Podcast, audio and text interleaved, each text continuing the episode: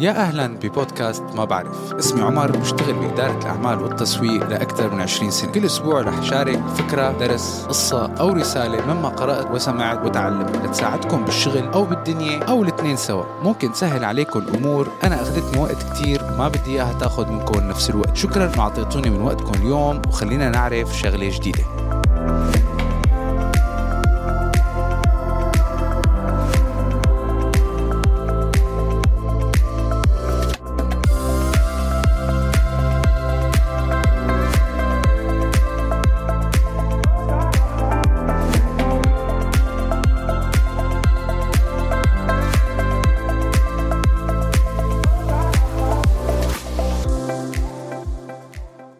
كل مدير سواء كان مدير لعمليات يومية مدير قسم أو حتى مدير تنفيذي للشركة ككل. أحيانا بحطوا توقعات غير طبيعية أو بحطونا تحت ضغط غير مبرر. وخاصة فيما يتعلق بالتواريخ الديدلاينز يعني لإنجاز بعض المهام والمشاريع. ولكن في مدراء كتار بيكون عندهم هذا التصرف وهي التوقعات بشكل دائم. أو بمعنى آخر هي طريقة الشغل تبعهم. بيكونوا شبه منفصلين عن الواقع أو ما عندهم ربط بين الموارد اللي عندهم عدد الموظفين والتوقعات. ودائما بيكونوا منفصلين انفصال كامل. ما بيكون عندهم أي اعتبار للواقع الحقائق اللي قدامهم وأحيانا هذا التصرف بيكون متأصل فيهم بسبب خبرتهم يمكن بالشغل اللي قبل أكثر ما أنه عم يبنوا قراراتهم بناء على الوضع الراهن. أو حتى بيكونوا بيتصرفوا بهالطريقة الهجومية بتوقعاتهم بسبب إنه المدير اللي فوقهم بيكون ضاغطهم بنفس الطريقة وبالتالي هن بيطبقوا الضغط على الموظفين اللي تحتهم يعني على مبدأ قانون الجاذبية الضغط بينزل من فوق لتحت. للأسف معظم الأحيان اللي بياكل الحمل كله هن الموظفين اللي نحن بنسميهم الخط الأول اللي بيخلصوا الشغل اليومي. لما بتكون عم تشتغل تحت حدا من هدول الناس مهما كان مستواك الوظيفي لأنه شو ما كان موقعك بالشركة أكيد في حدا فوقك. وهي النقطة كتير الناس بينسوها بفكروا إنه إذا صاروا مدراء خلص الضغط راح وهي الفكرة غلط. حتى المدير التنفيذي في أصحاب الشركات فوقه. فبنرجع لفكرتنا. لما أنت عم تشتغل وفي حدا مثل هيك مدراء فوقك بتحس حالك أنت محطوط بوضع لتفشل يعني السيناريو دائما مرتب إنك تفشل بتحقيق الأهداف أو المشروع مهما حاولت بسبب هالتوقعات. وهذا أكيد شعور ما له حلو اطلاقا خاصة إنه هدول المدراء كتير أحيانا ما فيك ما تنفذ شو عم بيطلبوا لأنه ممكن يعتبروها عصيان أوامر. فما بالك إنك حتى تحاول تناقش بأسلوب شغلهم مهما كان كتير هذا النقاش ومهما كان إنه ممكن يكلفك شغلك وبالتالي في خطورة بالموضوع. ولو حتى كان عندك من الخبرة والمعلومات اللي فيك تواجه وتعاكس وجهة نظر مديرك وطريقة تفكيره بضل في ضغط إنك تنفذ المطلوب وخاصة إذا عدم تطبيق للمطلوب ممكن يأثر على أداء مديرك قدام مديره. فعرف إنك ممكن تفتح على حالك باب ما بيتسكر إذا مديرك حس بخطر. اللي بيصير إنك بس توصل لمرحلة من الضغط معك فيك تتحمل بتقرر إنه أنا صار الوقت لظبط هالسي في وتبلش تدور على شغل جديد. وبتصير بس بحالك لحتى تقدر تطلع من هذا الوضع المتعب. ولكن قبل ما تقرر هيك قرار ممكن تحاول تتعامل مع هذا الوضع بأساليب مختلفة. بسببها يمكن تقدر توازن الوضع وتعطي لحالك مجال. تستمر خاصة إذا أنت بشكل عام مبسوط بالشغل ولكن المشكلة هي هالتوقعات العالية من المدير تبعك. وحتى يمكن تقدر تأدي تقوي العلاقة مع مديرك اللي طلباته ما بتخلص. في هاي الحالة قبل ما تتحكم وتلاقي طريقة لتتعامل مع هالمدير لازم تعرف كيف تتحكم بجسمك مشان تقدر تتحكم بنفسيتك. إذا هالضغط بلش يحطك بما يسمى fight or flight ودائما متوتر. لازم تهدي حالك لتقدر تفكر بصفاء تجمع أفكارك وتقدر تاخد قرارات صحيحة ومحسوبة.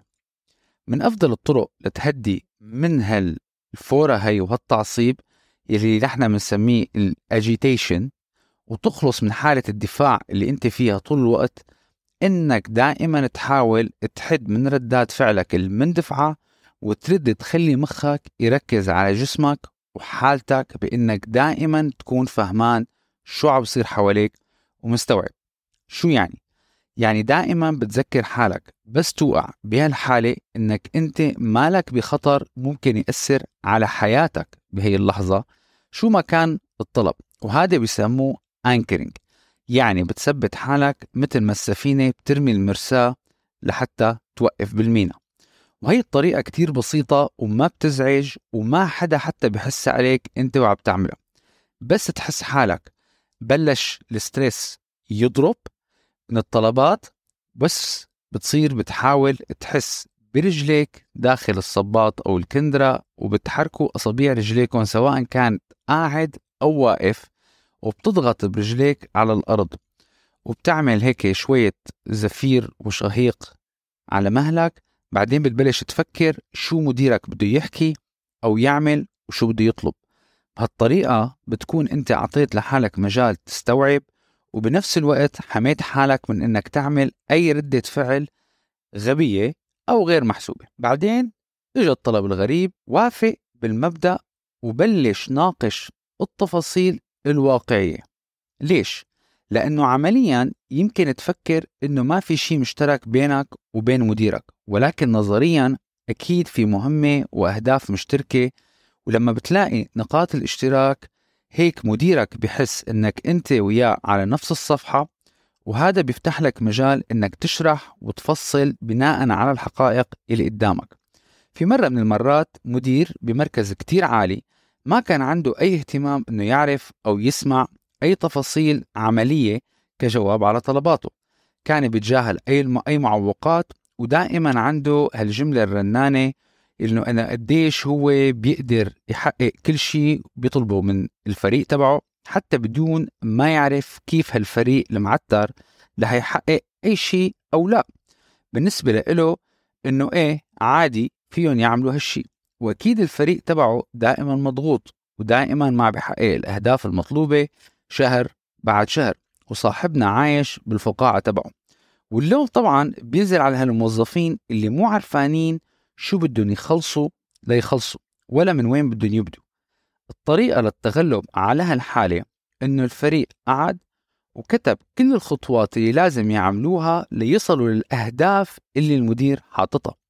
وبعدين طلبوا اجتماع معه ليشاركوا هالخطوات اللي حتحقق اللي هو بده إياه. ويحاولوا يلاقوا حل بدال ما يرجعوا لعنده ويقولوا له إنه المطلوب ما بصير بسبب المشاكل واحد واثنين وثلاثة اللي هو أصلا ما بده يسمعها ولحتى المدير يحس حاله أنه طلباته انسمعت الفريق لازم دايما ما يعطي أي صفة للطلبات أنه والله هي ما بتصير أو ما منلحق أو ما فينا. بالعكس الجواب بيكون كالتالي. أنا بعرف أنه بدك A ونحن جربنا B ولكن تحفظاتنا على السي ممكن نحكي شوي إنه شو برأيك لازم تكون الخطوة التالية. مع إنه المدير أول ما بلشوا يتعاملوا معه بهالأسلوب كان لساته مفصول عن الواقع ويضل يحاول يحط خطط كبيرة بس بلش يتعلم إنه يسمع الحلول ويسمع المشاكل ليرجع للواقع. مع الوقت صار يشتغل مع الفريق ليطلعوا بحلول تشتغل. بس يجيك الطلب رد حاول إنك تسمع الطلب بأكثر من أسلوب لتتأكد وليجيك الجواب الشافي. شو يعني؟ كثير أحيان المدير ما بيكون حاسس على حاله إنه طلباته صعبة لأنه هذا الطلب طلع منه بناء على وجهة نظر هو واصل لها ومقتنع فيها ولسبب ما يمكن هو ما عرف يوصل الرسالة صح. فبدال ما تقعد تتأفأف من الطلب حاول تفهم ما بين السطور أكثر لحتى تعطي لمديرك شو بده بالضبط. بعدين حاول تفهم الطلب من وجهة نظر الشخص اللي عم بيعطيه. بدال ما تكون متلقي وبتنفذ بس بدك تعرف تلاقي شو هي المشاكل أو المخاطر اللي المدير عم بيحاول يتجنبها. يعني شو الدافع اللي عم يخليه يطلب هيك طلب؟ بدال ما تطلع على الطلب بس وتفتح الحديث بأسلوب يحسسه إنك أنت معه لتحل مشكلته. يعني تفتح الموضوع بأسلوب مثلا مثل يعني نحن حطينا أكثر من سيناريو لنطلع عليهم وقلنا مين برأيك الأقرب للي بدك إياه ونشتغل عليه. أو مثلا نحن بنعرف إنك حاسس كتير صرنا حاطين مصاري على هالمشروع. هل بتعتقد السيناريوهات اللي حطيناها غطت أو وضحت اللي أنت بدك إياه؟ بهالأسلوب أنت عم تشتري وقت وعم تقدر تفهم شو المدير بده بشكل أوضح وبيعطي شعور بالشراكة إنك أنت وهو مع بعض لتحلوا المشكلة وبالتالي بعزز الثقة للمستقبل. لما بتكون عم تسوق سيارة بالرمل وبتحس حالك إنك عم تغرز بتصير بتضغط على دعسة البترول شوي شوي لتحس إنه صار في traction يعني رد الدولاب مسك لتمشي لقدام والطريقة نفسها لازم تتبعها مع المدير. بدك تعرف طبيعة الأرض اللي عم تتعامل معها واللي هو أسلوب تعامل المدير. هل بفضل روح المبادرة ال proactive أو بفضل الرياكتيف إنك تتفاعل معه بناء على طلبه. مدى ما فهمت كيف مديرك بحب يتلقى المعلومة ويتعامل معها وقديش تاخده ليعمل ردة فعل بصير فيك إنك تكون أنت محضر لكل الظروف الطريق وبصير عندك مهارة كيف تقود مديرك وتتحكم بتوقعاته. هدول كانوا أفكار صغيرة ممكن تساعد مهمتك تكون شوي أسهل مع مديرك سواء أنت عم تدور على شغل ولا قررت تبقى بالشغل. طول ما أنت عم تشتغل مع الفريق مهمتك أنك تحقق كل الأهداف المطلوبة وتكون أنت وفريقك ومديرك بأفضل صورة.